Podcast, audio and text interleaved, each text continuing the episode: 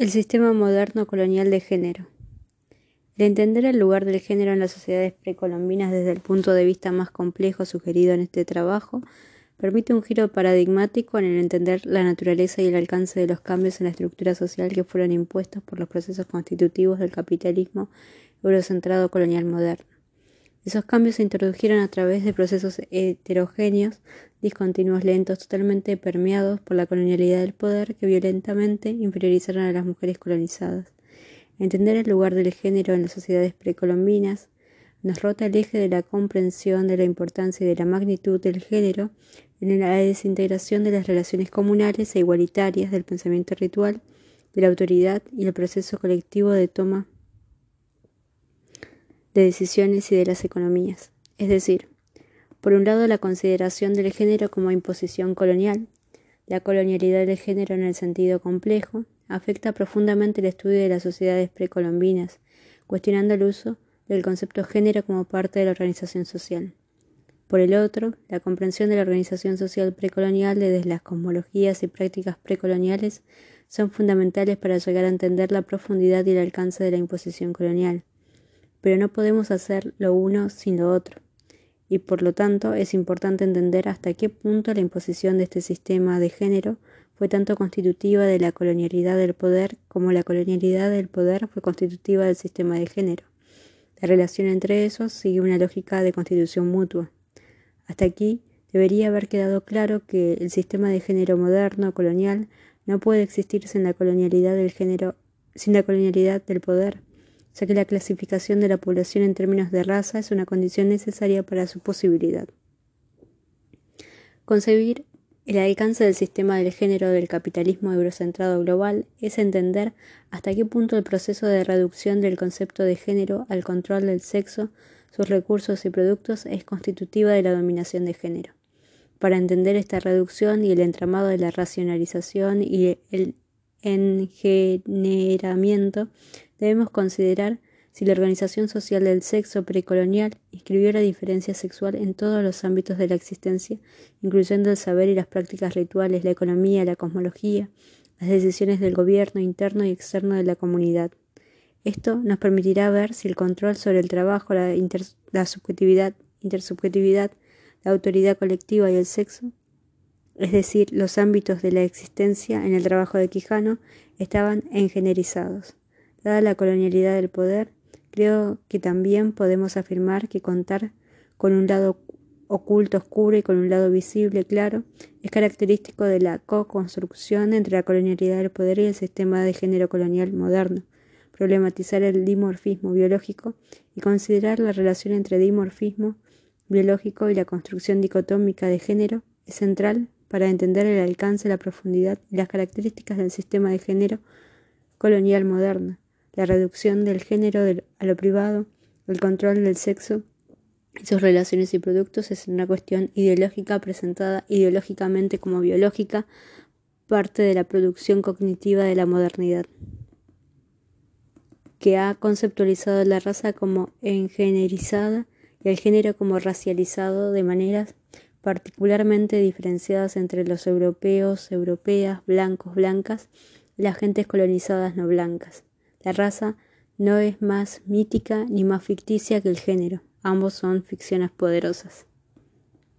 En el desarrollo del feminismo del siglo XX, no se hicieron explícitas las conexiones entre género, la clase y la heterosexualidad como racializados.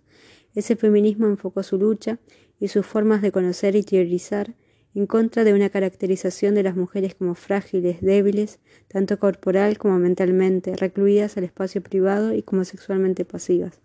Pero no explicitó la relación entre estas características y la raza, ya que solamente construyen a la mujer blanca y burguesa. Dado el carácter hegemónico que alcanzó el análisis, no solamente no explicitó, sino que ocultó la relación, empezando el movimiento de liberación de la mujer con esa caracterización de la mujer como blanco de lucha.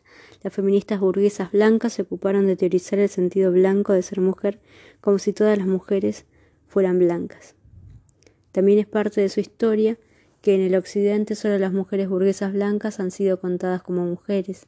Las hembras excluidas por y en esa descripción no eran solamente sus subordinadas, sino también eran vistas y tratadas como animales, en el sentido más profundo que el de la identificación de las mujeres blancas con la naturaleza, con los niños y con los animales pequeños.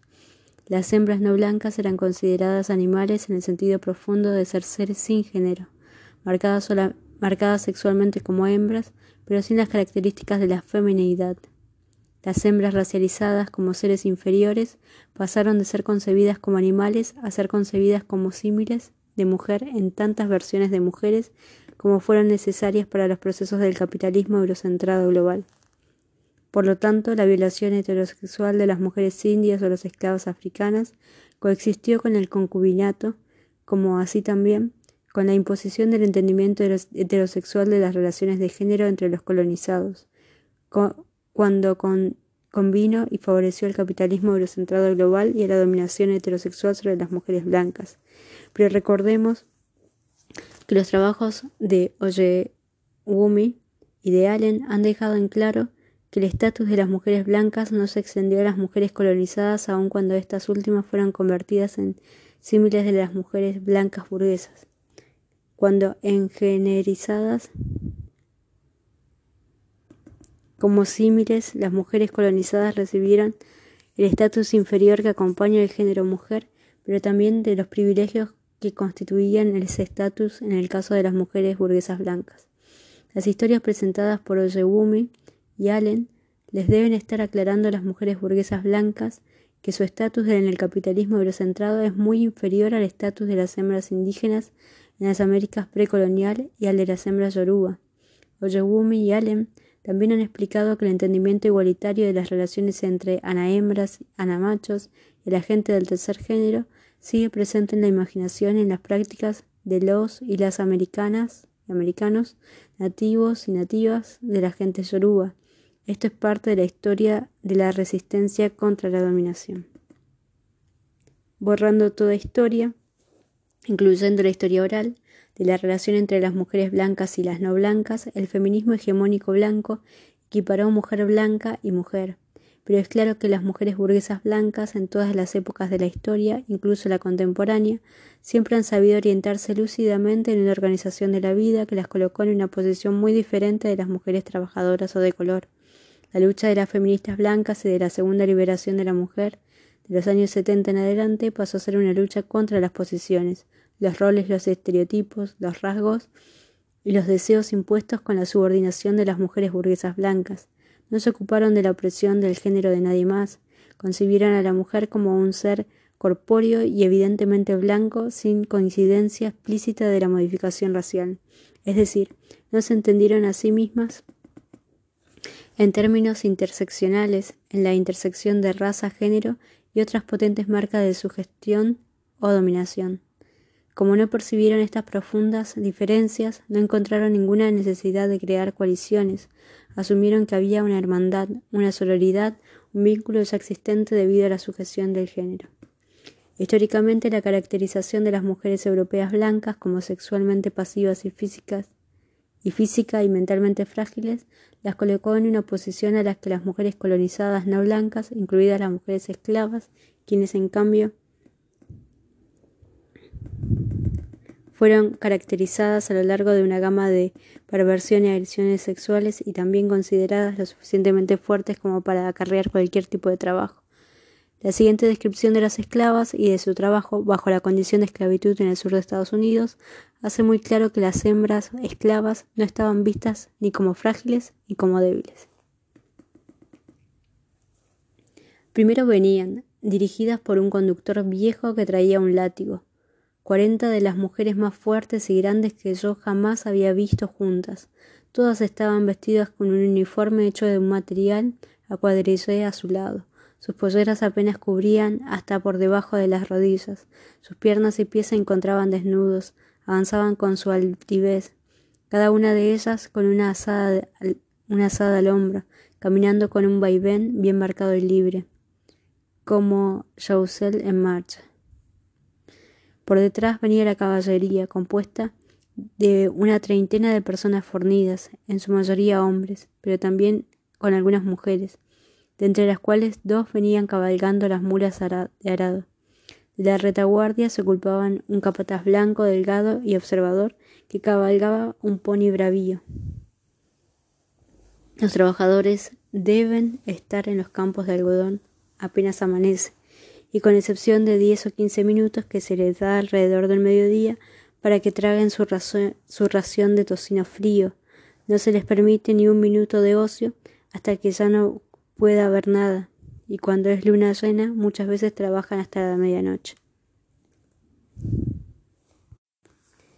Patricia Hill Collins ha ofrecido una descripción clara de la percepción dominante estereotipada de las mujeres negras como sexualmente agresivas y el origen de este estereotipo en la esclavitud.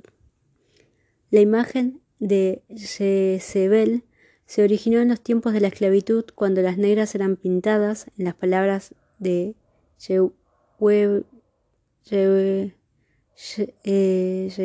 Gómez, como nodrizas sexuales agresivas, la función que el estereotipo de Jezebel cumplió fue relegar a todas las negras a la categoría de mujeres sexualmente agresivas, proveyendo una justificación poderosa para la proliferación de la violación sexual por hombres blancos relatada por las esclavas negras. Pero Jezebel cumplió otra función. Si se podía pintar a las esclavas negras como poseedoras de apetitos sexuales excesivos, el incremento de la fertilidad debería ser el resultado esperado. Al suprimir el cuidado que las mujeres afroamericanas podían haber brindado a sus propios niños, niñas, lo que habría fortalecido las redes de la familia negra, y al forzar a las esclavas negras al trabajo en plantaciones, a ser nodrizas para los hijos de los blancos y a nutrir emocionalmente a los dueños blancos, los propietarios de los esclavos lograron conectar eficazmente las imágenes predominantes de Jezebel y las de Mami, con la explotación económica inherente en la institución de la esclavitud. Pero las esclavas negras no son las únicas que fueron colocadas fuera del alcance de la feminidad burguesa blanca. En Imperial Leaser, al relatar la forma con la que Colón retrataba la tierra como si fuera un pecho de mujer, Anne Mikiltok evoca la larga tradición de la travesía masculina como una erótica de la violación. Durante siglos los continentes desconocidos, África, las Américas, Asia, fueron imaginados por la erudición europea como erotizados libidinosamente. Las historias de los viajeros estaban repletas de visiones de la sexualidad monstruosa de las tierras lejanas donde, como lo contaban las leyendas, los hombres tenían penes gigantes y las mujeres se casaban con simios. Los pechos de los varones afeminados rebosaban de leche y las mujeres militarizadas se cortaban los suyos. Dentro de esta tradición porno tropical, las mujeres aparecían como el epítome de la aberración y el exceso sexual. El folclore las concebió aún más que a los hombres, como entregadas a una veneria lasciva, tan promiscua como para rozar en la bestial. Eh, McIntosh describe la escena colonial pintada en un esbozo que data del siglo XVI, en el cual Jean Barder Strait retrata el descubrimiento de América como un encuentro erotizado entre un hombre y una mujer. Sustraída de su languidez sensual por el recién llegado envuelto en un halo épico, la mujer indígena extiende una mano atrayente que insinúa sexo y sumisión. Vespucio en una entrada casi divina, tiene como destino inseminarla con sus semillas masculinas de civilización, fecundar el páramo y reprimir las escenas rituales de canibalismo que se retratan como fondo de imagen. Los caníbales parecen mujeres y están asando una pierna humana, haciéndola girar mientras está suspendida en un artefacto que las atraviesa.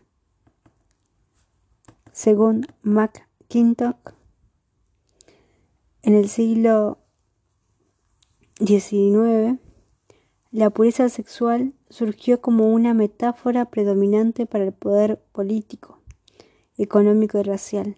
Con el desarrollo de la teoría evolutiva se comenzaron a buscar criterios anatómicos que determinasen la posición relativa de las razas en la serie humana. El hombre inglés de la clase media fue ubicado en el pináculo de la jerarquía evolutiva. Le seguían las, las inglesas blancas de clase media, las trabajadoras domésticas, las trabajadoras de las minas y las prostitutas de clase trabajadora estaban colocadas en el umbral entre la raza blanca y negra. Shenle Spitu nos cuenta que las representaciones de género y sexualidad están muy presentes en la enunciación del racismo. Las normas de género en los Estados Unidos presumen que se basan en las experiencias de hombres y mujeres de clase media y de origen europeo.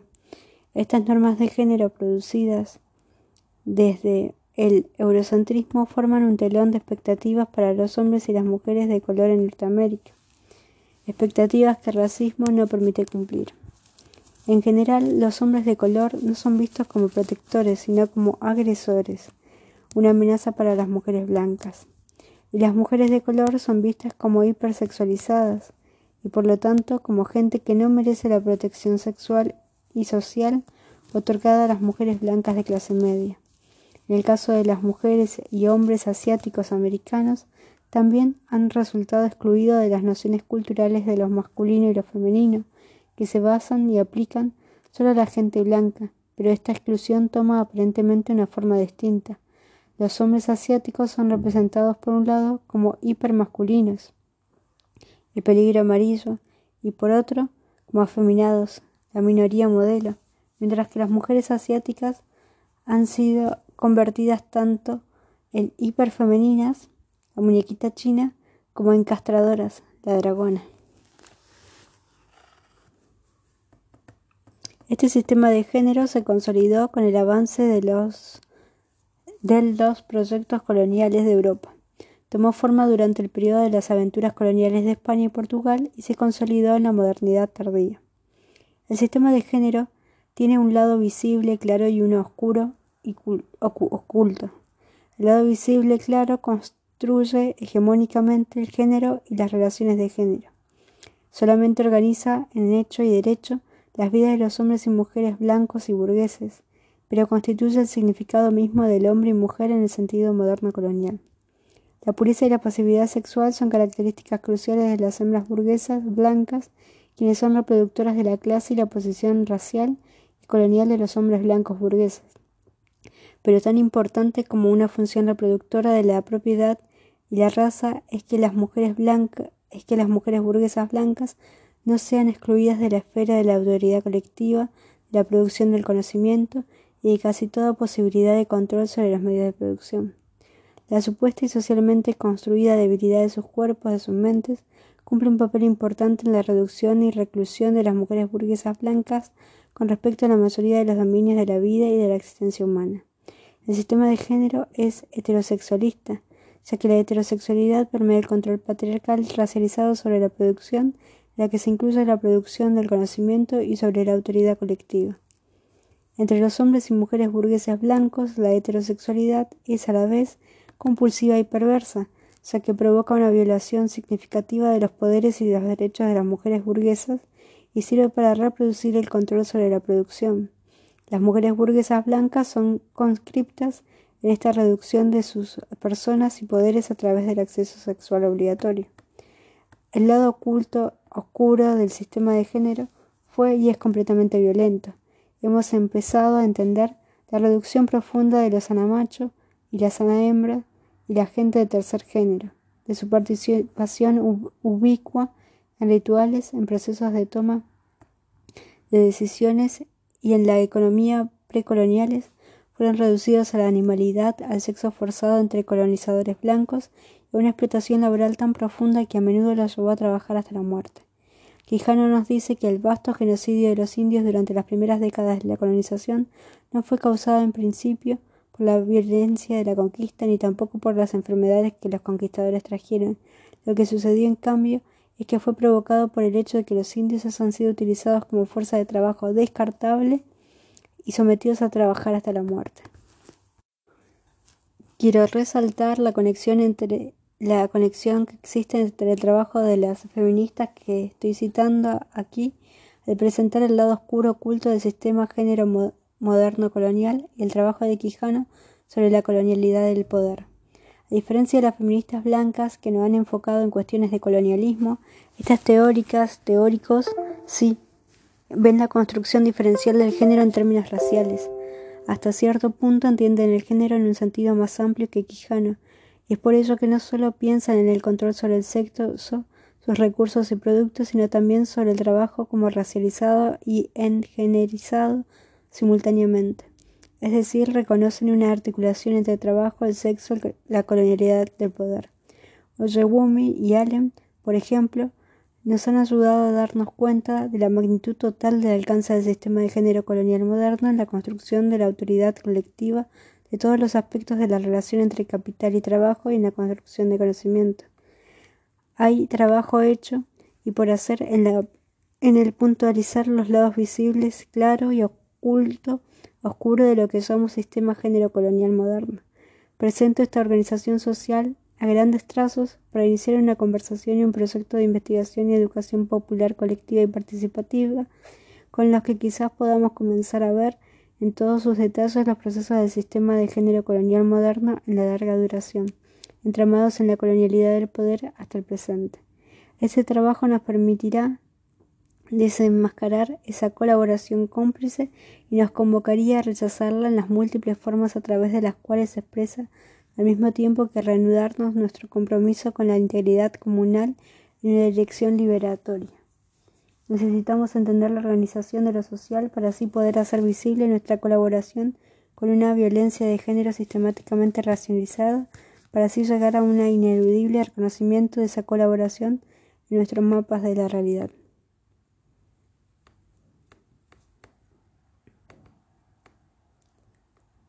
Y termina.